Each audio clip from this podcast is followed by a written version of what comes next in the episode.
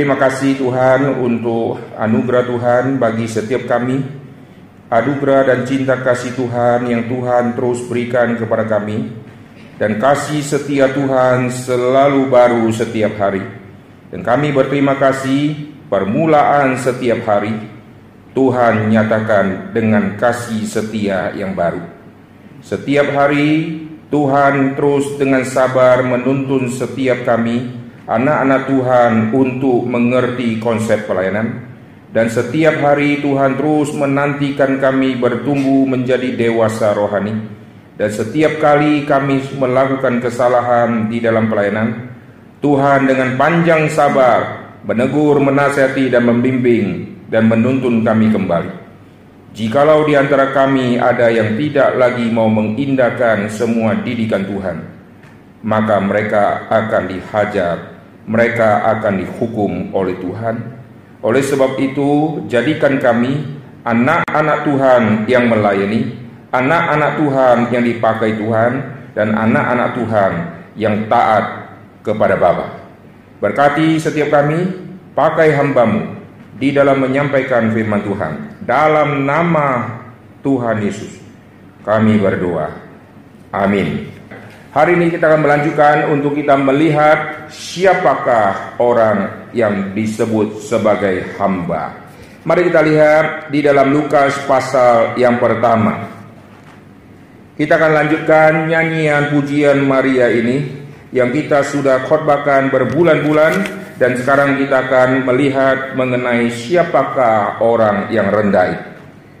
Saya akan ajak saudara, kita akan sama-sama membaca dari pasal yang pertama dari ayat 46 kita akan membaca sampai ayat ke-55 kita baca sama-sama. Lalu kata Maria, jiwaku memuliakan Tuhan dan hatiku bergembira karena Allah juru selamatku. Sebab ia telah memperhatikan kerendahan hambanya. Sesungguhnya mulai dari sekarang segala keturunan akan menyebut aku berbahagia karena yang maha kuasa telah melukukan perbuatan besar kepadaku dan namanya adalah kudus. Dan rahmatnya turun-temurun atas orang yang takut akan dia. Ia memperlihatkan kuasanya dengan perbuatan tangannya dan mencerai beraikan orang-orang yang congkak hatinya.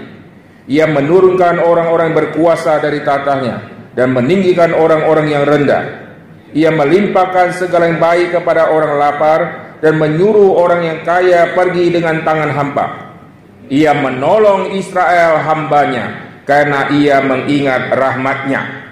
Seperti yang dijanjikan kepada nenek moyang kita, kepada Abraham dan keturunannya untuk selama-lamanya. Saudara perhatikan di dalam konsep nyanyian pujian Maria kita sudah melihat seluruh struktur dengan semua pola-pola yang ada dan sekarang kita akan melihat mengenai konsep hamba yang Maria mengerti. Saya ajak saudara melihat di pasal yang pertama ayat yang ke-38. Kata Maria, sesungguhnya aku ini adalah hamba Tuhan. Jadilah padaku menurut perkataanmu itu Lalu malaikat itu meninggalkan dia. Maria adalah seorang wanita yang masih muda yang saya percaya mungkin sebelumnya dia sudah mempunyai konsep tentang melayani Tuhan. Karena semua orang Yahudi harus melayani Tuhan, tapi melayani yang seperti apa? Ini yang perlu kita teliti. Semua orang bilang aku sudah melayani, tapi waktu ditanya melayani yang model seperti apa? Ada yang mengatakan aku sudah menurut standarku. Yang lain bilang kau belum karena standarku kau belum.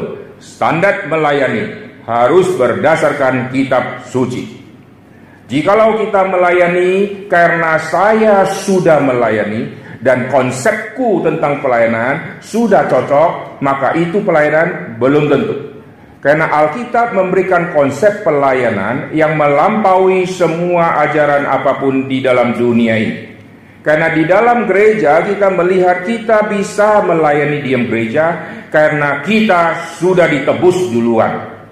Di dalam semua kepercayaan lain tidak ada konsep ini.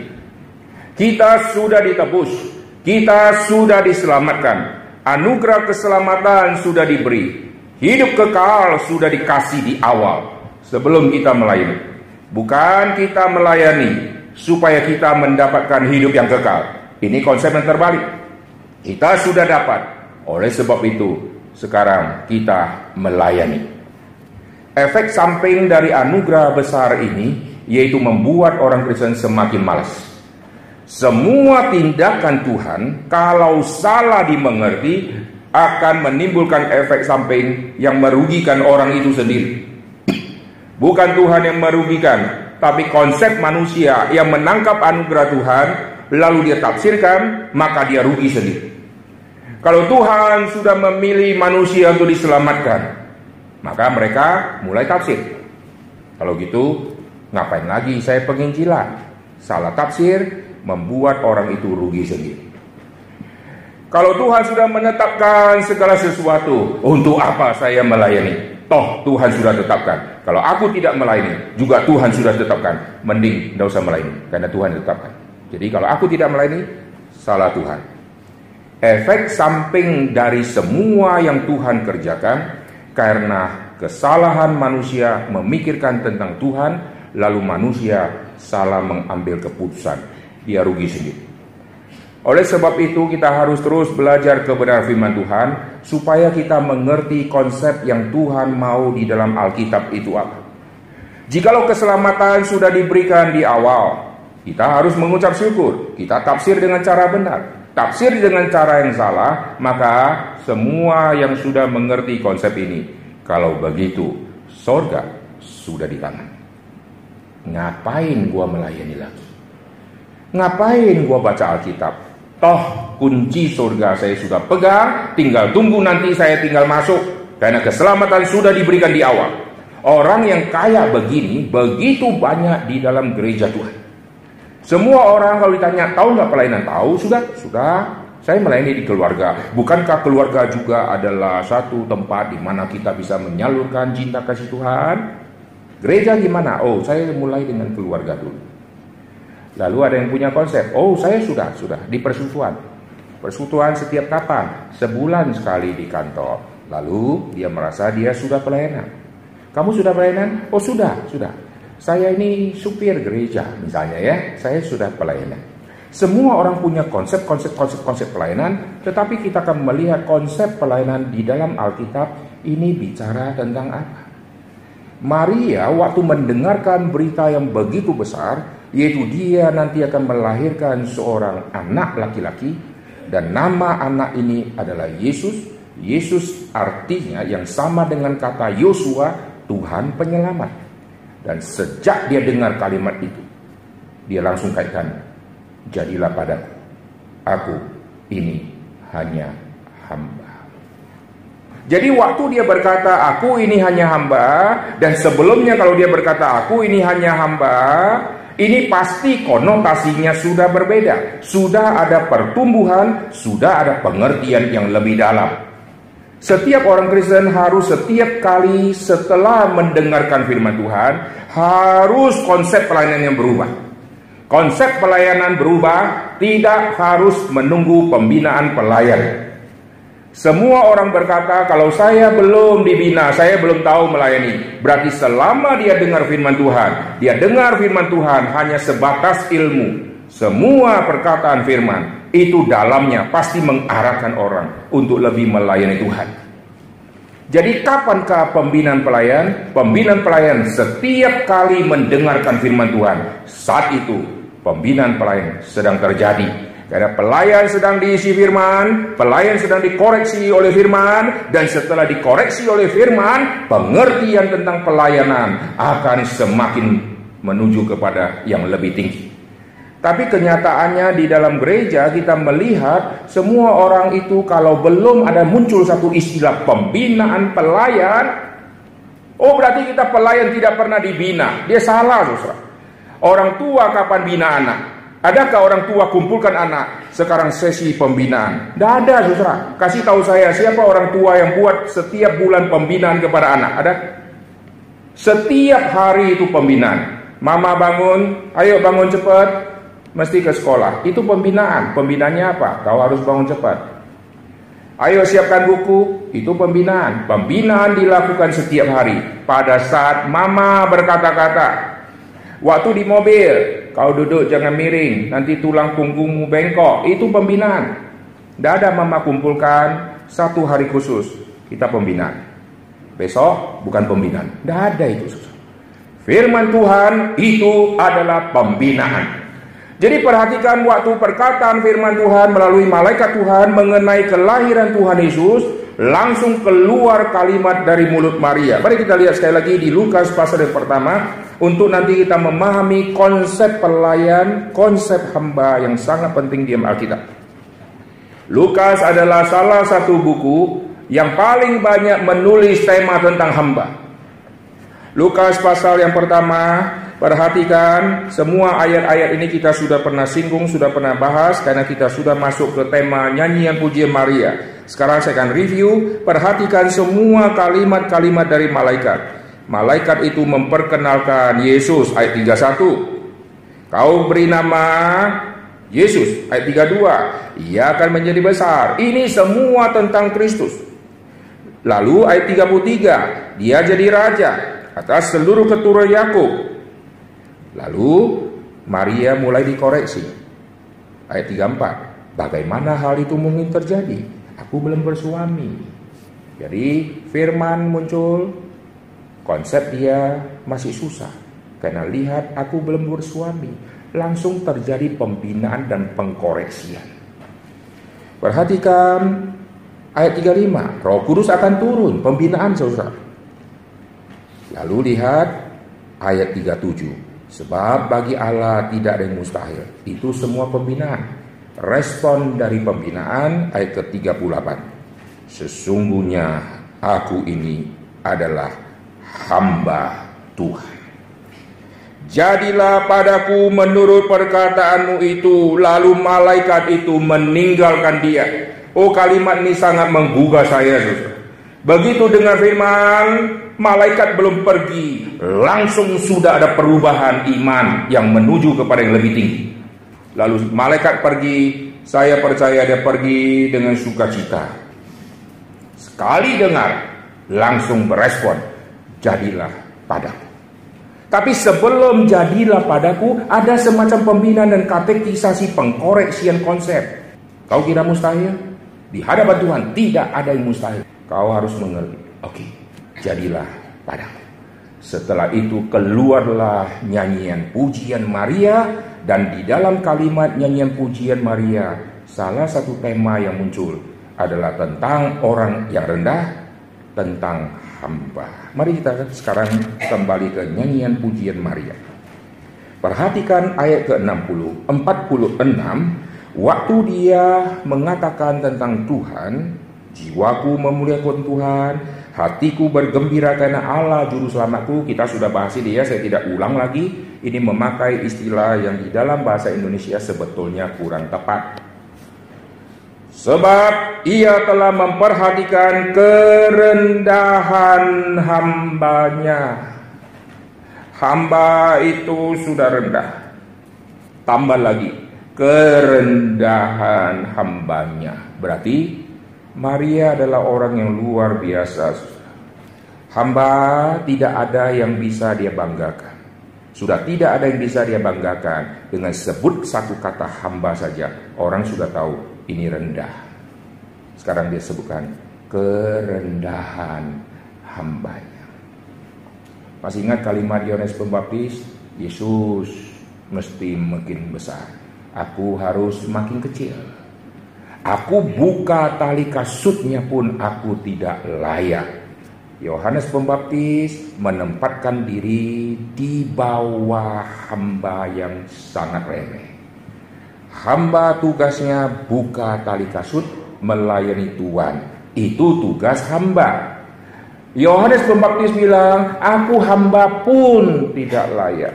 Aku tidak cocok tidak masuk level aku di bawahnya hamba. Kalau hamba bisa buka tali kasut, Aku tidak boleh buka tali kasut, berarti aku di bawahnya hamba. Ini ciri orang yang rohani. Di dalam Alkitab membedakan tema pelayan dan tema hamba. Atau lebih jelas kalau di Indonesia kita susah karena kata ini bisa saling bertukar. Seorang hamba, seorang pelayan, seorang pelayan, seorang hamba gitu ya. Itu bisa saling bertukar. Maka kalau kita berkata kita harus menjadi pelayan Tuhan, kita harus menjadi hambanya Tuhan, itu di Indonesia, bahasa Indonesia itu nuansanya biasa, karena mirip-mirip. Tapi di dalam bahasa asli, kita melihat penempatan untuk kata ini menjadi tema yang berbeda. Sekarang saya ajak saudara melihat dua bagian di dalam perjanjian baru yang memunculkan dua istilah ini di dalam dua bagian yang konteksnya berbeda. Mari kita lihat Matius.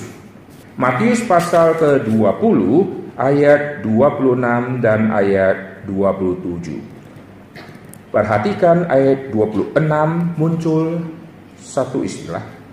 27 muncul satu istilah. Tidaklah demikian di antara kamu. Barang siapa ingin menjadi besar di antara kamu, hendaklah ia menjadi pelayanmu. Dia konos pelayan.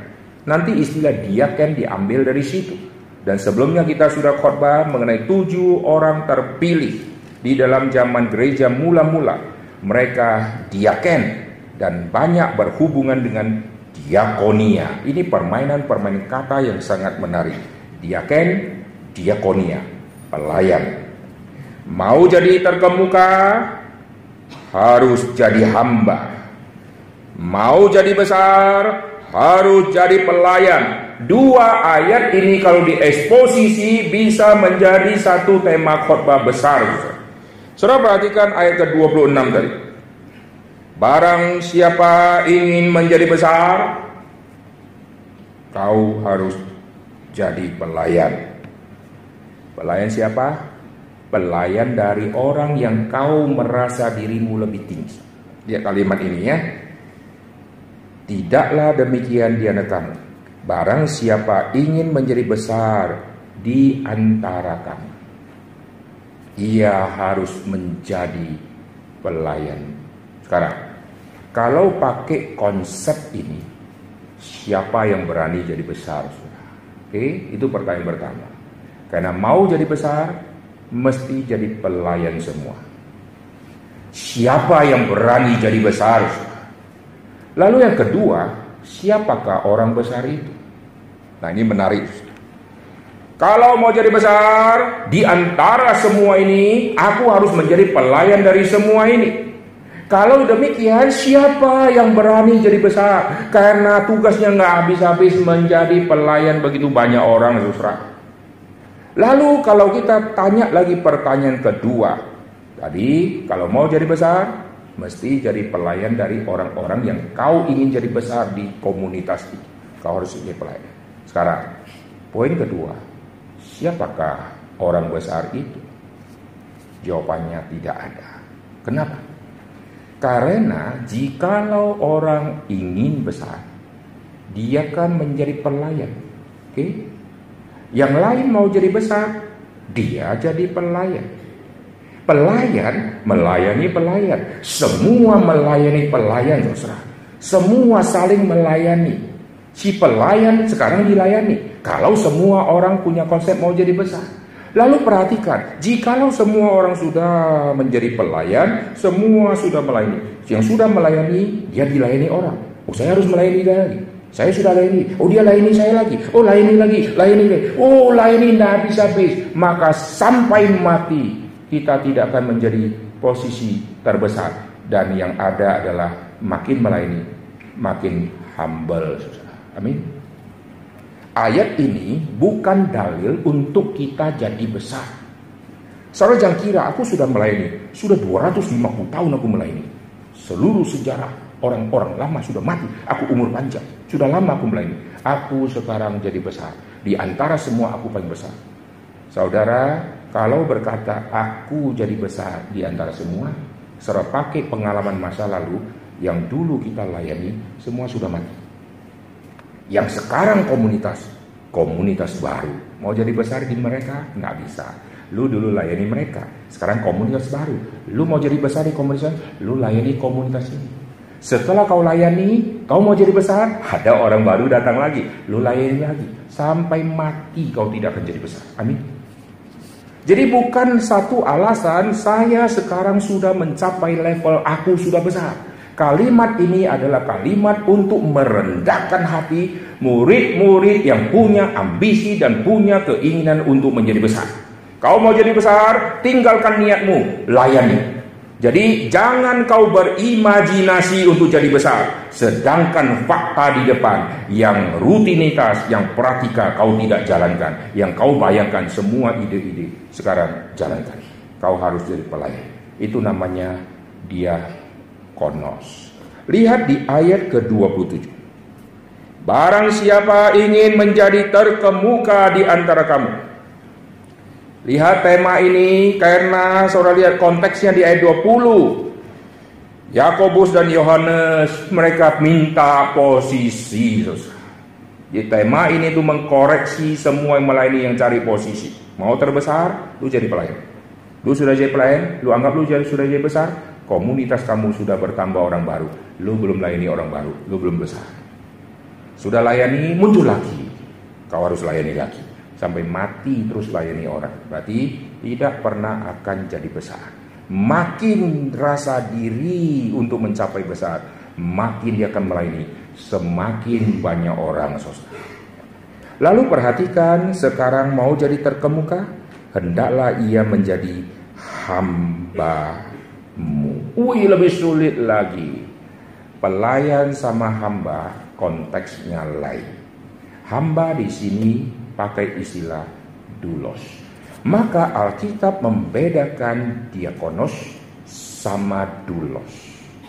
Setiap orang kalau saya sebut saya diakonos, saya seorang pelayan, belum tentu dia menjadi seorang yang betul-betul mengerti pelayan yang akhirnya menjadi hamba. Banyak pelayan belum jadi hamba. Tapi hamba sudah pasti pelayan. Saya ulangi, seorang pelayan belum tentu hamba. Karena dia melayani karena ada jadwal, saudara. Tiga bulan satu kali jadwal. Maka karena jadwal, maka aku melayani. Ada gereja yang sudah susun semua program Januari sampai Desember.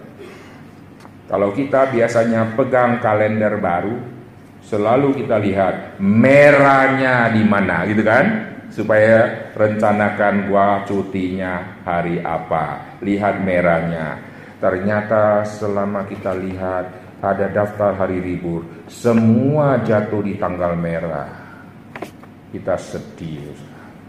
Hari libur mestinya jatuh di tanggal hitam sehingga berubahlah hitam jadi merah sukacita. Kalau hari liburnya jatuh di tanggal merah yaitu hari Minggu mampu saudara. Aduh, Natal 25. Puji Tuhan, Jumat Agung selalu tidak di hari Minggu. Coba bayangkan Jumat Agung juga jatuh di hari Minggu. Stres, saudara. Hari libur kalau jatuh di tanggal merah langsung lemes lewati hari-hari. Anak siswa juga lemes. Aduh sekolah lagi Senin sampai Sabtu hitam semua. Tapi kalau kita lihat satu kalender merahnya banyak saudara. Jangan senang dulu, mungkin anak saudara kasih merah karena dia pengen libur saudara.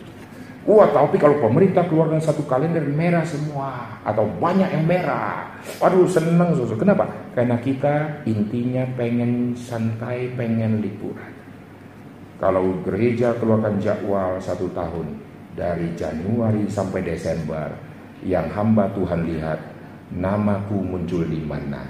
Bukan untuk nanti melayaninya jauh lebih baik.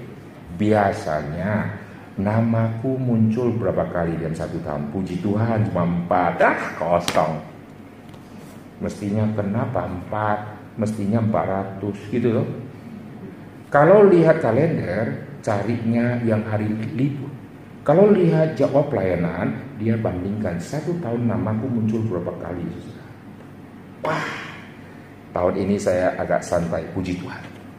Tapi kalau namaku ada di setiap bulan, wah nggak bisa. Kita melayani tidak boleh monopoli. Uh, pakai bahasa rohani, padahal dia mau lari. Kita harus bagi, kita harus regenerasi, tidak boleh. Masa saya setiap bulan kasih dong yang lain-lain. Supaya apa? Supaya namaku berkurang.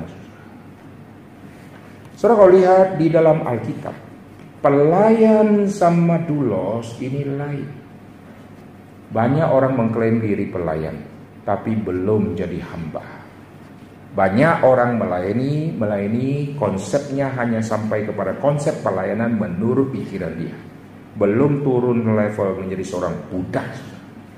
Dulos itu artinya budak yang hidupnya Seluruh energinya bukan milik dia, tapi milik sang tuan. Kalau begitu, pelayan masih bisa nolak. Dulos tidak bisa nolak. Barang siapa yang menolak pelayanan, saudara masih pelayan, saudara belum dulos. Gampang sekali.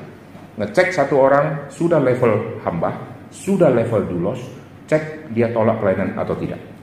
Pelayan masih bisa tolak karena pelayan belum tentu dulos.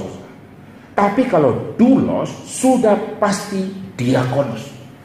Kalau saya berkata saya sudah seorang hamba, seorang budak, berarti hidup dan matiku sudah di tangan si Tuhan. Seluruh tenagaku adalah milik dari si Tuhan. Kalau Tuhan panggil tengah malam pun, tidak ada alasan saya tolak. Kalau saya tolak, mungkin saya masih level pelayan biasa tapi seorang hamba selalu siap dengan tangan yang gesit kapan saja dipanggil.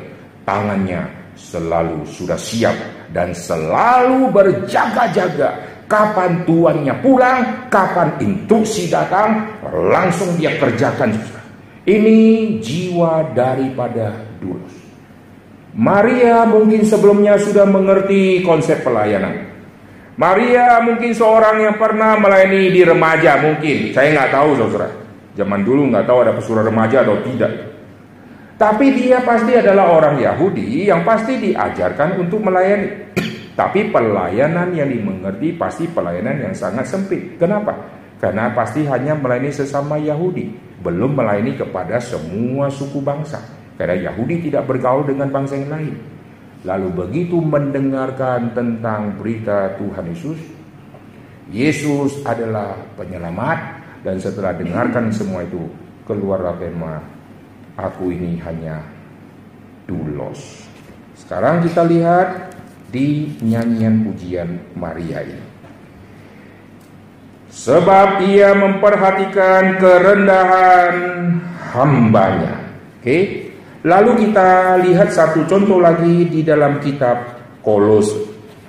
Jadi waktu Maria mengatakan dirinya hamba, itu bukan tema gampang saudara. Itu sudah melewati penggodokan yang sangat besar.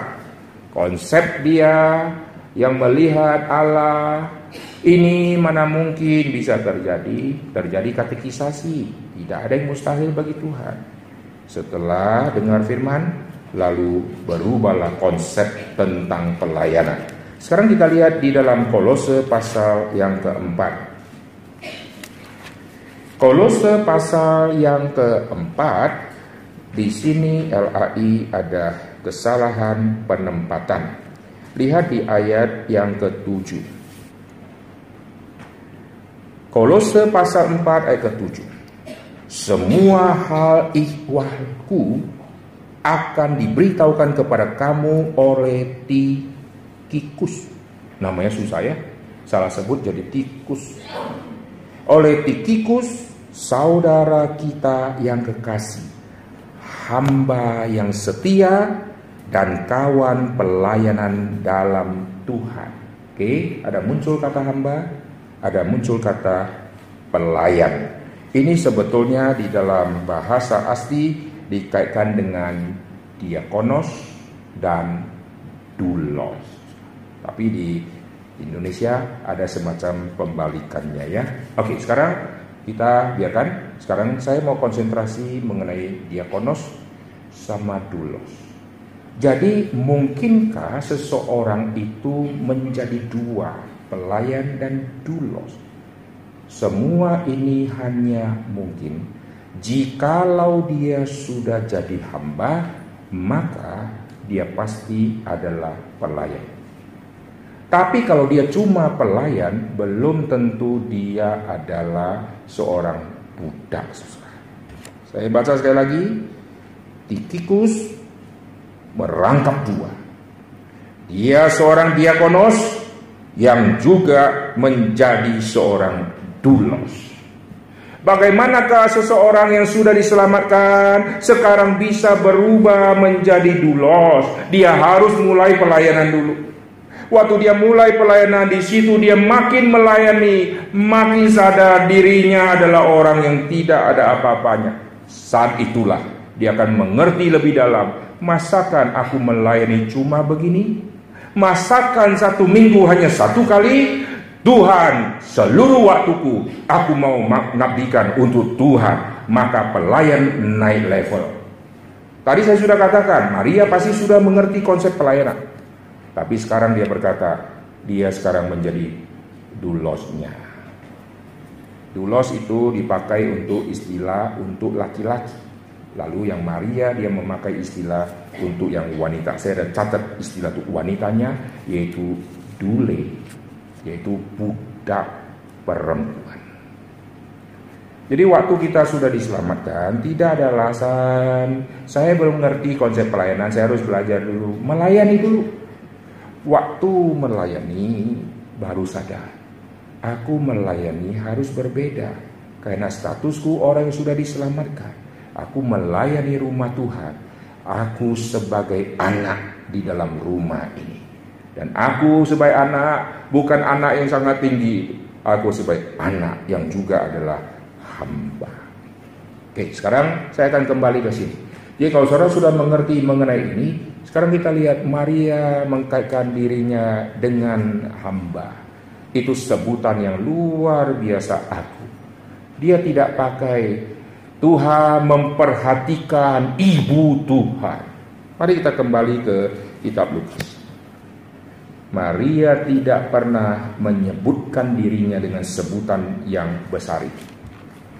Tetapi yang menyebutkan itu pada saat Maria berjumpa dengan Elizabeth. Oke, saya baca ayat 39 Lukas pasal yang pertama. Beberapa waktu kemudian berangkatlah Maria dan langsung berangkat ke pegunungan menuju sebuah kota di Yehuda. Di situ ia masuk ke rumah Zakaria dan memberi salam kepada Elizabeth. Dan ketika Elizabeth mendengar salam Maria, melonjaklah anak di dalam rahimnya dan Elizabeth pun penuh dengan Roh Kudus. Lalu berseru dengan suara nyaring, diberkatilah engkau di antara semua perempuan, diberkatilah buah rahimu. Siapakah aku ini sampai ibu Tuhanku datang mengunjungi aku. Ayat 48. Kalau dirubah sebab ia telah memperhatikan kerendahan Ibu Tuhan. Bisa nggak? Hmm? Bisa ya? Dia mengutip kalimat dari Elizabeth, Ibu Tuhan. Lalu dia senang dengan sebutan Ibu Tuhan. Wah, ini kalimat yang sangat besar, susah. Tapi dia buang semua sebutan itu, itu keluar dari Elizabeth. Dari mulut Maria, dia lebih senang memegang satu kata, Aku ini hanya dule hambanya yang dikaitkan dengan hamba perempuan. Berarti sekarang hidup dan matiku semua yang ada padaku adalah milikmu ya Tuhan. Rahim yang kupunya bukan milik Yusuf. Rahim yang kupunya bukan milikku. Rahim dan seluruh yang kumiliki adalah milik Tuhan. Berarti silakan pakai. Ini level pelayan yang bukan hanya pelayan biasa, tapi sudah menjadi dulos. Saya harap di gereja orang-orang yang melayani setiap hari, setiap saat, setiap minggu, setiap bulan langsung berubah jiwa pelayanannya. Melalui apa? Melalui firman Tuhan yang didengarkan, lalu terjadi pengkoreksian, pengkoreksian, lalu menjadi pelayan yang sungguh-sungguh. Oke, sekarang saya ajak, ajak saudara untuk memperhatikan konsep hamba di dalam seluruh Alkitab. Lukas adalah orang yang sangat peka melihat kata hamba Dan nanti Lukas memasukkan tema kata hamba. Dia juga kaitkan dengan kata anak. Nanti kita akan membahas waktu sampai ke ayat itu. Lihat Lukas 1 ayat ke-54. Lukas 1 ayat ke-54 ia menolong Israel, koma hambanya. Ia menolong Israel, koma hambanya. Di sini memakai istilah paidos. Nah, nanti kalau sudah sampai ayat itu kita akan menggali bagian itu. Lalu lihat ayat 69, ia menumbuhkan sebuah tanduk keselamatan bagi kita di dalam keturunan Daud, koma hambanya. Itu juga memakai kata paidos. Apa perbedaannya? Tunggu waktunya nanti. Nah sekarang saya sudah kaitkan diakonos sama konsep dulos. Sekarang kita akan melihat konsep dulos melampaui konsep diakonos. Karena bicara tentang Buddha, itu ada sejarah yang sangat panjang dari perjanjian lama. Kalau kita mengerti semua sejarah tentang tema Buddha, maka waktu kita baca PB, kita akan mengagumi setiap orang yang berani berkata bahwa dia adalah hambanya Kristus atau hambanya Tuhan. Kalau tidak kita baca hambanya Tuhan biasa, semua juga kita hamba. Saya dari dulu paling kesel kalau dengar kalimat ini. Pak, kan kita ini semua hamba ya. Teori itu benar. Tapi waktu dia ngomong, mungkin kata hamba atau dulos tidak cocok untuk dia. Karena dia belum sampai ke level hamba. Dia masih pelayan yang abal-abalan. Jadi jangan sembarang pakai istilah, oh kita ini semua hamba Tuhan, kita ini semua hamba Tuhan. Oke, teori ini semua kita mestinya harus hamba Tuhan. Tapi lu belum disebut dulos. Lu masih diakonos biasa. Itu pun karena ada tugas. Maka kamu pelayan. Kalau tidak tugas, lu tidak tahu nos-nos yang apa. Di dalam perjanjian lama kita melihat ada aturan tentang seorang budak. Lalu apa sikap budak menghadapi Tuhan yang dia akan mengabdi seumur hidup. Bagaimanakah seorang hamba bisa menjadi hamba seumur hidup? Itu tidak boleh. Di dalam perjanjian lama, hamba mesti dikasih kebebasan. Dia bekerja sudah dipatok berapa lama. Tidak boleh lebih dari situ. Kalau lebih dari situ, ada aturan mainnya. Nah, mari kita lihat ini hukum tentang budak. Lihat keluaran pasal yang ke-21. Keluaran pasal ke-21. Budak ada masa kerjanya. Tapi kenapa budak bisa dikaitkan budak seumur hidup? Itu ada alasannya. Saya akan baca hukum tentang budak. Lihat pasal 21 ayat pertama. Inilah peraturan-peraturan yang harus kau bawa ke depan mereka. Apabila engkau membeli seorang budak Ibrani maka haruslah ia bekerja padamu enam tahun. Jadi ada batas waktunya, bukan seumur hidup. Pada tahun yang ketujuh ia harus diizinkan keluar sebagai orang merdeka, berarti sudah bukan budak. Dengan tidak membayar tebusan apa-apa. Jadi hak seorang budak harus bebas setelah tujuh tahun. Jika ia datang seorang diri, ia keluar pun seorang diri.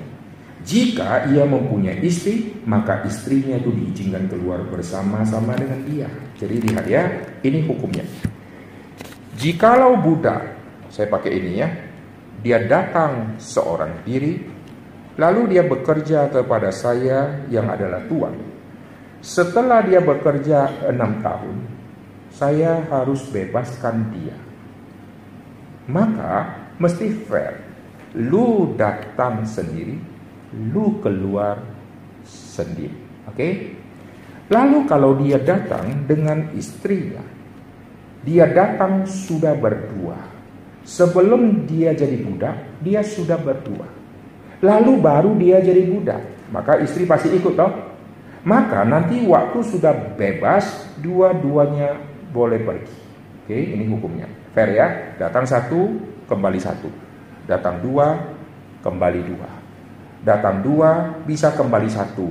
Karena istrinya mati. Gitu bisa toh? Kembali satu. Atau datang dua, tidak ada yang kembali. Karena dua-duanya mati sebelum tugas berakhir. Bisa kan? Sekarang, kalau dia datang satu, masih bujangan. Eh, dua tahun kemudian, dapat jodoh dia. Hah, srek dapat istri. Apa yang terjadi nanti kalau pada saat pembebasan? Coba kita lihat. Ayat yang keempat. Jika tuannya memberikan kepadanya seorang istri. Dan perempuan itu melahirkan anak laki-laki dan perempuan, maka perempuan itu dengan anak, anaknya tetap menjadi kepunyaan tuannya. Budak laki-laki harus keluar seorang diri. Jadi gini, kalau dia datang masih bujangan, lalu sekarang dia dapat jodoh, lalu punya anak 18, wah mestinya dia pulang cuat ya, datang satu, pulang 20, gitu kan, istri dan 18 anak. Tapi kalau dia datang satu, dia fair, dia harus kembali satu. Kenapa? Karena istri dan semua anak adalah milik dari si tuan. Karena kau datang satu, kau dapat satu, ini semua barangnya tuan. Enak aja tuan ya. Terima banyak budak, lahirkan anak. Tapi susah loh ya. Kalau si budak pergi, anak kalau baik-baik bagus. Anaknya kayak bajingan semua, si tuan pusing susah. Lu pergi 17 anak lu suruh gua jaga gitu ya. Wah stres ya, itu masih satu budak. Budak yang lain 15 anak, budak yang lain 13. Hanya si tuan setiap hari ngurusin bocah-bocah kecil. Ngajar sekolah minggu terus dia ya. Iya ya, kalau datang satu, dikasih satu istri, dapat anak, waktu pergi semua masih tinggal si budak pergi. Nah, lalu di sini dikasih tahu kalau budaknya tidak mau pergi bagaimana. Jadi ada semacam budak yang setelah dia sudah bebas, dia memikirkan aku tidak mau bebas. Itu mirip seperti orang yang ditangkap masuk ke dalam penjara di Nusa Kambangan setelah melalui batas hukuman 20 tahun sudah lewat, dia sudah lama di situ sehingga dia punya komunitas ada di Nusa Kambangan. Waktu bebas dia merasa dunia tidak menerima dia. Nusa Kambangan dia kenal, dia sudah tahu, dia sudah lama di situ dan dia memutuskan saya tidak mau keluar dari Nusa Kambangan. Maka dia tetap ada di Nusa Kambangan, bukan jadi tahanan, tapi jadi pelayan, tukang sapu-sapu. Statusnya bukan tahanan karena sudah bebas dia. Dia tetap mau ada di situ. Kenapa? Karena kecintaan dia kepada lokasi situ, karena di luar mungkin tidak ada yang menerima dia, cari kerja susah. Itu alasan-alasan yang mungkin bisa banyak yang lain. Tapi seorang budak Waktu dia sudah harus bebas, dia memikirkan kembali. Lalu Alkitab catat dengan begitu teliti dan ayat itu sangat menggugah saya. Mari kita lihat. Ayat yang kelima. Pasal 21 kitab Keluaran. Tetapi jika budak itu dengan sungguh-sungguh berkata, Aku cinta Tuanku kepada istri dan kepada anak-anak. Aku tidak mau keluar sebagai orang merdeka. Lihat urutan ini saya sangat senang saudara. Aku cinta Tuhan. Aku cinta istriku. Aku cinta anak-anakku. Ini tidak boleh dibalik. Nanti saya akan jelaskan maka haruslah tuannya itu membawanya menghadap Allah lalu membawanya ke pintu dan ke tiang pintu dan tuannya itu menusuk telinganya dengan penusuk dan budak itu bekerja pada tuannya untuk seumur hidupnya. Jadi mesti fair. Lu sudah bebas. Tapi lu tidak mau bebas, lu mau balik, nanti orang-orang akan menghina si tuan. Tuannya sadis, diktator. Itu saatnya sudah bebas. Kenapa tidak dibebaskan? maka si tuan akan berkata, saya sudah bebaskan dia, tapi dia mau sendiri. Mana buktinya? Tidak ada CCTV yang merekam. Tidak ada saksi mata yang sekarang masih hidup. Mana buktinya? Maka dikasihlah bukti ada telinga yang sudah ditusuk itu. Lihat, bawa ke pintu, ke tiang pintu, tusuk telinga. Sakit nggak? Mau coba? Untuk apa? Untuk jadikan semacam tanda. Sehingga si budak laki-laki itu kalau pergi orang lihat ada tanda. Wah, ini budak yang harusnya merdeka. Tapi tanda ini menjadikan dia budak seumur hidup. Lebih baik tidak ada tanda atau ada tanda. Lebih baik tidak melayani atau kembali melayani. Banyak orang pilih Hore, aku bisa lari. Silakan lu lari. Buddha ini tidak. Aku mau kembali. Dan sekali kembali, tanda di kuping tidak mungkin bisa dihapus lagi. Karena apa? Karena aku mencintai Tuhan. Kalimat ini sangat aku. Nanti saya akan kaitkan Tuanku, istriku, anak-anak. Oke. Sekarang saya ajak saudara itu melihat Ulangan 15 ayat yang ke-12. Apabila seorang saudaramu menjual dirimu kepadamu baik sebagai seorang anak laki-laki, seorang laki-laki Ibrani ataupun seorang perempuan Ibrani, maka ia harus bekerja padamu enam tahun. Tahun ketujuh harus jadi orang merdeka. Apabila engkau melepaskan dia sebagai orang merdeka, jangan kau melepaskan dia dengan tangan hampa. Jadi Kau lepaskan dia, kau harus kasih bekal, kasih uang. Engkau harus dengan limpahnya memberi bekal kepadanya. Dari kambing dombamu, dari tempat pengirikanmu, dari tempat pemerasanmu, sesuai dengan berkat yang diberikan kepadamu oleh Tuhan. Kau dapat berkat, kau harus kasih dia. Bukan pergi dengan tangan hampa. Ini Alkitab sangat memperhatikan pembantu. Haruslah kau ingat bahwa engkau pun dahulu budak di tanah Mesir. Okay. Tetapi apabila dia berkata kepadamu, Aku tidak mau keluar meninggalkan kau. Karena ia mengasihi engkau dan keluargamu. Sebab baik keadaannya padamu. Keluargamu berarti keluarga si Tuhan. Dia mengasihi si Tuhan dan keluarga si Tuhan. Tadi dia datang seorang lalu dikasih jodoh Lalu lahirlah anak. Semua ini milik si tuan. Berarti jadi keluarganya si tuan. Lalu si orang ini harus pergi. Demi cinta si tuan. Demi cinta istri dari budak. Demi cinta anak dari budak. Atau demi cinta keluarganya si tuan. Ini semua dia menghambakan diri seumur hidup. Jadi waktu Maria berkata, jadilah padaku, aku ini hanya hamba Tuhan. Secara PL, dia rela seperti seorang budak yang ditindih kupingnya seumur hidup. Sekarang aku miliknya Tuhan dan silakan pakai aku seumur hidup. Jadi bukan hanya aku melayani karena setelah melayani aku akan bebas melayani. Tidak. Seumur hidup sekarang pakailah aku Nanti konsep hamba ini dimengerti secara dalam di dalam perjanjian baru oleh orang-orang yang rohaninya sangat tinggi. Semua orang yang rohaninya tidak tinggi hanya mengerti pelayan-pelayan karena ada jawab. Yang lain mengerti konsep hamba. Kalau dia sudah mengerti konsep hamba dan sudah menjadi seorang budak itu, dia akan melayani lebih sungguh daripada semua. Gereja butuh pelayan, tapi gereja butuh dulos. Karena kalau gereja ada 10 dulos, otomatis sudah pasti 10 pelayan yang sungguh-sungguh. Dan kalau gereja punya 10 dulos, 10 dulos akan melayani sampai detik terakhir hidup dia. Kalau gereja ada 300 ribu pelayan diakonos, tapi tidak ada satupun yang dulos. Dalam waktu singkat yang 300 diakonos, jadi nol karena semua pergi. Karena belum mengerti jiwa pelayan yang sungguh-sungguh. Waktu Yesus tanya Petrus, semua sudah pergi, kau pergi enggak? silakan pergi. Petrus langsung berkata, tidak. Kepada siapakah kami harus pergi?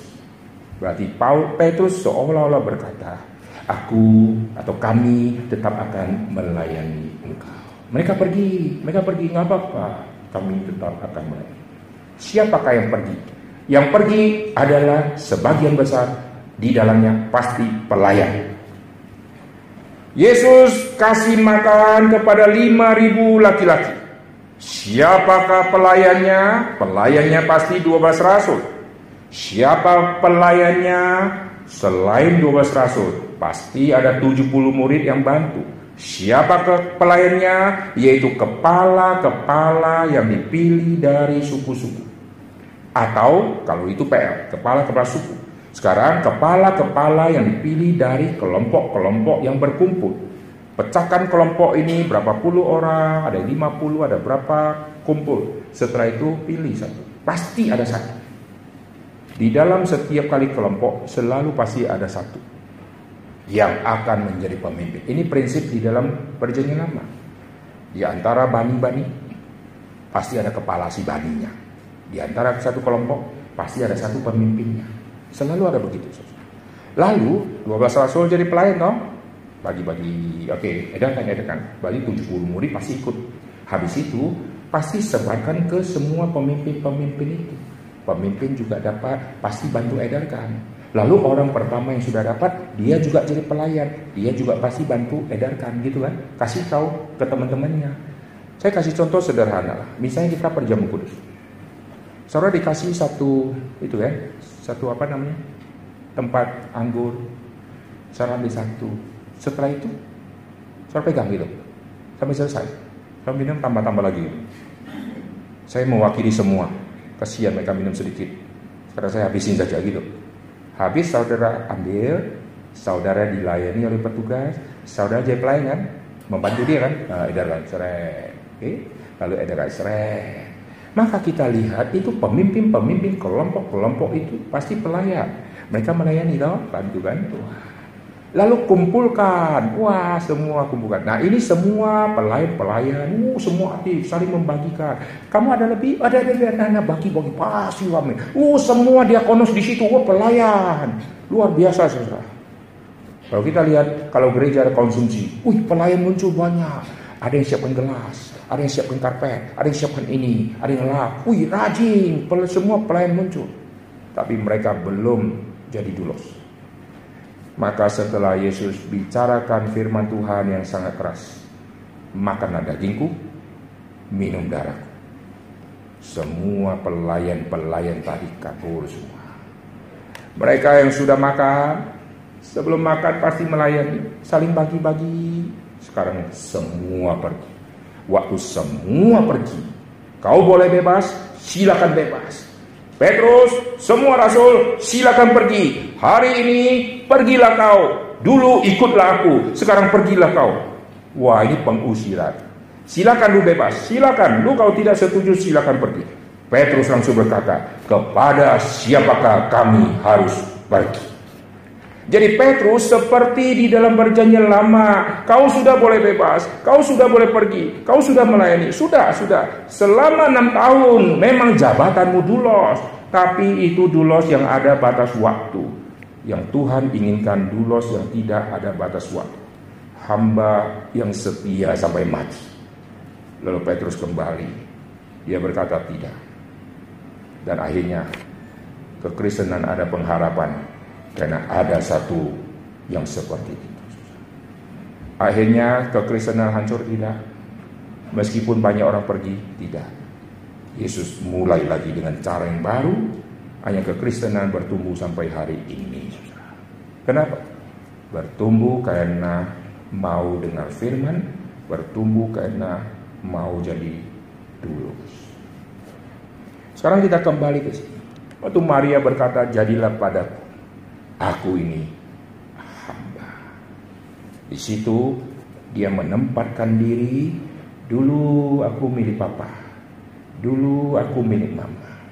Dulu aku mungkin berkata aku milik saya sendiri. Sekarang tidak. Aku hamba. Hidup matiku di tangan Tuhan. semua milikku sekarang adalah hak Tuhan untuk memakai saya. Sampai kepada perjanjian baru kita melihat Paulus sangat mengerti konsep ini. Mari kita lihat. Perhatikan di dalam Roma pasal yang pertama. Semua tema ini tema yang saya sangat senang saudara. Karena konsep-konsep kayak begini muncul di dalam Alkitab. Roma pasal pertama. Lihat ayat pertama. Dari Paulus, hamba Kristus Yesus. Dipanggil menjadi rasul, dikuduskan untuk memberitakan Injil Allah. Kalimat ini biasa, tidak ada sesuatu yang istimewa kalau kita baca biasa. Tapi kalau saudara mengerti latar belakang PL, saudara mengerti ini dalamnya luar biasa. Dari Paulus hamba Kristus Yesus. Dulu Paulus hamba siapa? Dia hamba dari semua pemimpin-pemimpin agama Yahudi. Dia menjadi antek-antek dan dia menjalankan semua tugas yaitu sesuai dengan apa yang Yerusalem sudah kasih dia surat. Karena dia tidak suka orang Kristen. Maka dengan surat dia pakai untuk menghabisi orang Kristen. Berarti dia hamba dari kejahatan. Dia hamba dari pemimpin-pemimpin Yahudi yang ada di Yerusalem itu. Mendadak Yesus bicara. Saulus, Saulus, mengapa engkau menganiaya aku? Pikir-pikir aniaya siapa ini?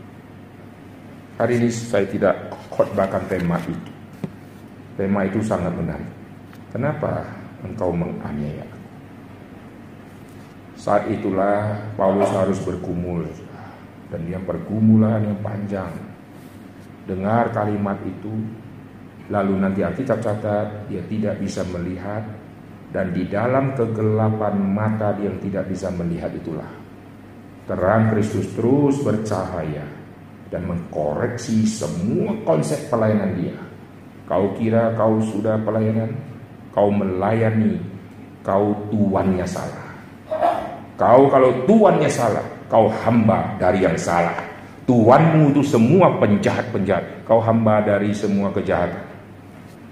Sampai akhirnya waktu dia sadar dia adalah rasul. Rasul jabatannya sangat tinggi. Tapi dia tidak bangga dengan sebutan rasul itu. Dia sebut, aku hambanya Kristus. Berarti demi cinta Yesus, demi cinta milik Yesus, aku mau jadi hamba selama-lamanya. Maka Paulus adalah orang satu-satunya di PB yang di dalam tulisan dia kita bisa membaca. Di dalam tubuhku ada tanda milik Kristus. Uh, kalimat ini sangat agung.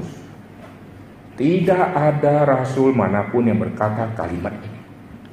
Maka para komentator terus menyelidiki sebetulnya apakah yang dimaksud oleh Paulus semua menduga-duga. Nanti kalau kita ketemu Tuhan, cari si Paulus, tanyain, maksudnya apa sih tanda apa? Maka muncullah komentari yang berkata, oh itu adalah mata yang rabun. Karena kena sinar kemudian Tuhan, Paulus waktu di masa tua, dia jadi rabun. Itu tanda milik Kristus. Bagi saya tahu kecil, tanda kok rabun. Ada yang mengatakan, oh ini pasti karena bekas luka, cambuk, cambuk, cambuk. Itu menjadi misteri. Tanda milik Kristus. Tapi saya kaitkan kepada perjanjian lama. Tanda milik Kristus. Ini tanda selama-lamanya. Dan saya kaitkan kepada tanda budak. Tapi bukan berarti Paulus kupingnya bolong loh ya, ditindih. Enggak. Pokoknya ada tanda. Dan dia kaitkan ini tanda miliknya Kristus. Kenapa? Karena aku sekarang milik Kristus. Aku menghambakan diriku selama-lamanya karena aku mencintai Kristus dan mencintai Tuhan dan keluarganya. Keluarganya siapa? Saudara lihat, kita ini anggota tubuh Kristus. Jadi mencintai Kristus dan mencintai gerejanya, barulah saya disebut hamba yang sejati. Banyak pelayan masih sampai level aku melayani gereja. Kalau gereja mengecewakan saya, aku berhenti dari pelayanan. Itu tahu rendah. Saya melayani karena digaji oleh gereja. Kalau gereja sudah tidak menggaji seperti yang saya minta, saya tinggalkan gereja itu, saya pindah ke gereja lain. Itu pelayanan kalau rendah. Dia belum sampai kepada aku menghambakan diriku kepada Kristus demi cinta Kristus dan demi cinta gerejanya. Aku sekarang menjadi dulos selama-lamanya. Lalu perhatikan Paulus mengerti dia sekarang adalah hamba atau dulosnya Kristus. Maria juga mengerti. Kalau saudara perhatikan semua tema tentang Kristus, keluar tema tentang hamba. Waktu bicara jiwaku memuliakan Tuhan Allah juru selamatku. Siapakah juru selamat ini? Itulah Yosua, itulah Yesus. Yesus sama dengan kata Yosua. Yosua sama dengan Tuhan penyelamat. Jadi jiwaku memuliakan Tuhan Allah juru selamatku. Ia memperhatikan kerendahan dule atau dulos untuk laki-laki, dule untuk perempuan.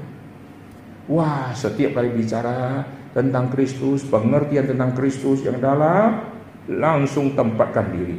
Aku bukan hanya pelayan, tapi aku Buddha selama-lamanya. Lalu yang menarik lagi di dalam perjanjian baru, bagaimanakah dengan dua adiknya Tuhan Yesus? Yesus punya adik ada empat laki-laki. Lalu ada dua adik Tuhan Yesus yang dulunya melihat Tuhan Yesus tapi sulit percaya. Mereka sulit percaya. Ini kokoh gitu ya. Tuhan ya. Ini kokoh Mesias ya. Kokoh pelayanan kok sibuk kayak begini. Mereka sulit sekali mengerti. Maka saudara baca di dalam kitab perjanjian baru. Anggota keluarganya menganggap Yesus sudah tidak waras lagi. Mereka sulit percaya lihat Tuhan Yesus dari kami kecil kami sudah lihat koko. Lalu koko ini Tuhan kami. Apalagi koko ini adalah Tuhan kami, kami hambanya koko. Hmm, sampai kiamat tidak mungkin akan terjadi. Kalau pikir secara logika tidak mungkin. Masa dede jadi hambanya koko seumur hidup siapa koko? Tapi perhatikan dari mereka yang awalnya tidak percaya dan kurang percaya sampai akhirnya dari tulisan kitab suci kita bisa melihat. Mereka waktu menulis Yakobus menulis Yakobus. Yudas menulis kitab Yudas. Dua adik Tuhan Yesus ini menulis Alkitab. Dan waktu dia perkenalkan diri dia tempatkan dirinya bukan adik mari kita lihat wah ini menarik luar biasa Jikalau rohani mereka tidak tinggi, tidak mungkin bisa seperti itu. Yakobus pasal yang pertama. Salam dari Yakobus. Ini Yakobus yang adalah adik Tuhan Yesus. Hamba Allah dan hamba Tuhan Yesus Kristus. Yakobus berkata satu kalimat yang seolah-olah melawan prinsip yang Yesus pernah mengajarkan. Yesus pernah mengajarkan seorang tidak mungkin mengabdi kepada dua tuan. Tidak mungkin kau punya dua tuan. Kalau punya dua, satu kau kasih, satu kau benci. Allah sama Mamon, kau pasti pilih salah satu. Sekarang Yakobus mengabdi kepada dua tuan Aku ini siapa? Aku ini hambanya Allah dan hambanya Tuhan Yesus Kristus. Di sini Yakobus pasti mengerti konsep Tritunggal. Dia bukan mengabdi kepada dua Allah, tapi dia mengabdi kepada satu Allah. Dan dia tahu di dalam diri Allah ada berapa pribadi. Maka dia kaitkan aku mengabdi menjadi dulosnya Allah. Aku dulosnya Tuhan, Yesus Kristus. Padahal ayat ini kalau saya rubah, jadi begini. Salam dari Yakobus, uh, supaya orang perantauan langsung tertarik sama tulisan Yakobus. Contoh kalau saya ini Yakobus ya, Wah, supaya tulisan saya dibaca oleh orang perantauan, saya buat seru sedikit. Salam dari Yakobus. Saya yang adalah adik Yesus. Saya sama Yesus.